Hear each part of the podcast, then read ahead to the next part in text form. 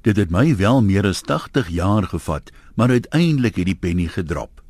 Nou weet ek verseker, mense leer niks daaruit as ander mense hulle sleg behandel nie. Wel, niks goeds nie. Lank terug onder die Britse bewind, het die Britte op die boere neergesien. Eintlik op almal, maar wie gene om vir die ander. Relatief onlangs het korrespondensie tussen die rugbybase van Australië en Nieu-Seeland uitgelek. Daarin verwys hulle na Suid-Afrikaners as japies. Dit wil dus lyk of hulle ook eerder op ons neersien as na ons opsien. Maar wat het ons daaruit geleer? 'n Mens sou verwag dat ons die Bybelse opdrag om ander te behandel soos wat jy graag self behandel wil word, ter harte sou neem. Maar wat doen die Afrikaners toe hulle aan bewind kom? Hulle maak apartheidswette wat hulle nie sou gedoen het as hulle nie op die mense teen wie die wette gemik was neergesien het nie. Dis makliker om ander te behandel soos wat jy behandel is as soos jy wil wees. 'n Mens sien dit oral in die lewe. En op 88 jaar het ek al 'n bietjie perspektief gekry.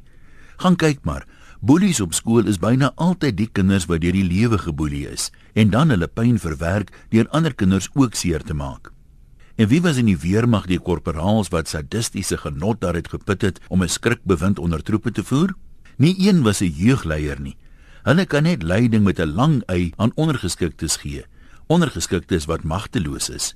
Op universiteit in my koshuis is eerstejaars gedoop met 'n tekkie party. Al die studente van die tweede jaar af tot heel bo in daai voedselketting het wydsbeen gestaan en die eerstejaars moes tussen hulle bene deurkruip sodat elkeen jou na hartelus met 'n tekkie kan slaan. Om dit effektiewer te maak, het sommige studente batterye of sinkers in hulle tekkies gesit om dit swaarder te maak en harder te kon slaan. Hulle was sonder uitsondering die ouens wat in hulle eerste jaar nie kon cope in die vorm van doop nie. En wat het hulle geleer? bloot om wraak te neem op onskuldige mense. Wie is die mans wat hulle vrouens slaan? Antwoord: die swakkelinge wat hulle op een of ander manier wil laat geld. Hierdie ouens is nooit so aggressief teenoor ander mans wat net so groot of groter as hulle is nie. En wat gebeur in die korporatiewe wêreld?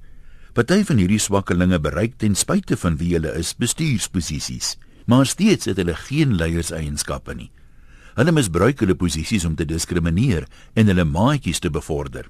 En wat gebeur vandag? Die mense wat voorheen hardhandig behandel is in polisie klopjagte, is nou die polisie. Wat het hulle geleer uit hulle ondervinding? Bloot dat dit nou hulle beurt is om hardhandiger op te tree. En so gaan dit aan en aan. En dit sal nooit verander nie tensy jy besluit om ander mense te behandel soos jy graag behandel wil word. Maar niemand doen dit nie, want wie wil nou die eerste een wees? Sê nou, hulle doen dit nie ook nie. Gandhi het twee goed gesê wat jy ter harte kan neem. Die eerste een is dat hy 'n Christen sou gewees het, was dit nie vir die voorbeeld van ander Christene nie. En die tweede is dat as jy verandering wil sien, become the change you want to see. Maar ons sal seker nie luister nie. Wat wou Gandhi sal hom wat verbeel. Groete van oor tot oor, Antoniem.